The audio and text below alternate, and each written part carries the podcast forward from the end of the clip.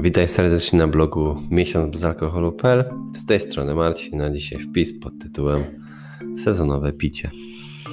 Pora roku może mieć wpływ, duży wpływ na Twoje nawyki związane z piciem.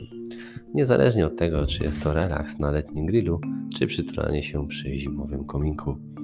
Jeśli zauważyłeś sezonowe wzorce spożycia alkoholu, to nie jesteś sam.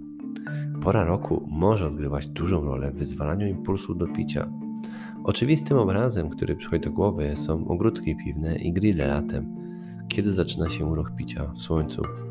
Ale w miarę jak dni stają się krótsze i robi się chłodniej, wpadamy w kolejny czar, kiedy ludzie często piją więcej, np. w domu wieczorem. Badania wykazały związek między zwiększonym spożyciem alkoholu a chłodniejszymi, ciemniejszymi miesiącami. Niektórzy sugerują, że może to być spowodowane zmianami nastroju, prawdopodobnie związanymi z sezonowymi zaburzeniami afektywnymi wywoływanymi przez zmniejszony poziom światła słonecznego. Wydaje się jednak, że istnieje ogólna korelacja między chłodniejszym klimatem a wyższym spożyciem alkoholu w porównaniu z ciepłejszymi krajami. Dlaczego więc zimno może zwiększać ochotę do picia? Może być tak, e, że spędzamy więcej czasu w pomieszczeniach, gdy pogoda sprawia, że wypadanie na zewnątrz jest mniej atrakcyjne. Ale z drugiej strony, nie na darmo nazywa się to okresem świątecznym.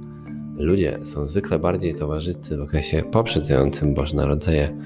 Wieczory pełne pracy, spotkania z rodziną i przyjaciółmi oraz okazje takie jak Halloween, ognisko czy święto dziękczynienia. Grzane wino, gorący cyt, a koniak bywają właśnie częstym rozwiązaniem.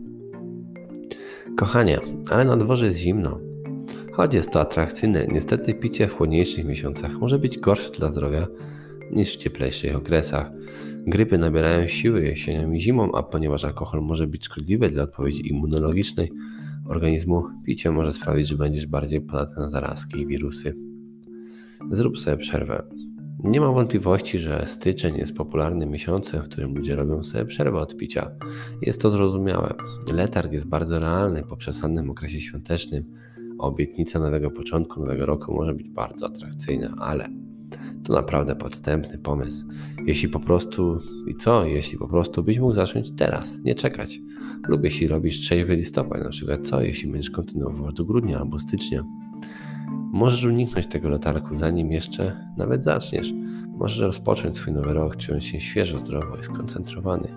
Mógłbyś dać swojemu ciału najlepszą szansę na walkę ze wszystkimi pokusami, które się czają. Może spać lepiej, czuć się mniej spokojny i być naprawdę obecny, aby cieszyć się emocjami nadchodzącymi kilku miesięcy do przodu. Znasz to skądś? Osobiście uwielbiam budzić się z czystym umysłem, skakiwać do samochodu po nocy spędzonej na mieście lub wiedzieć, że dzieci mogą zadzwonić w każdej chwili, a ja mogę je odebrać.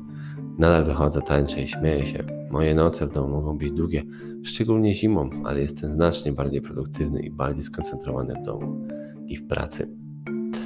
Dzięki wielkie za wysłuchanie i do usłyszenia w kolejnym nagraniu. Trzymaj się sucho, cześć.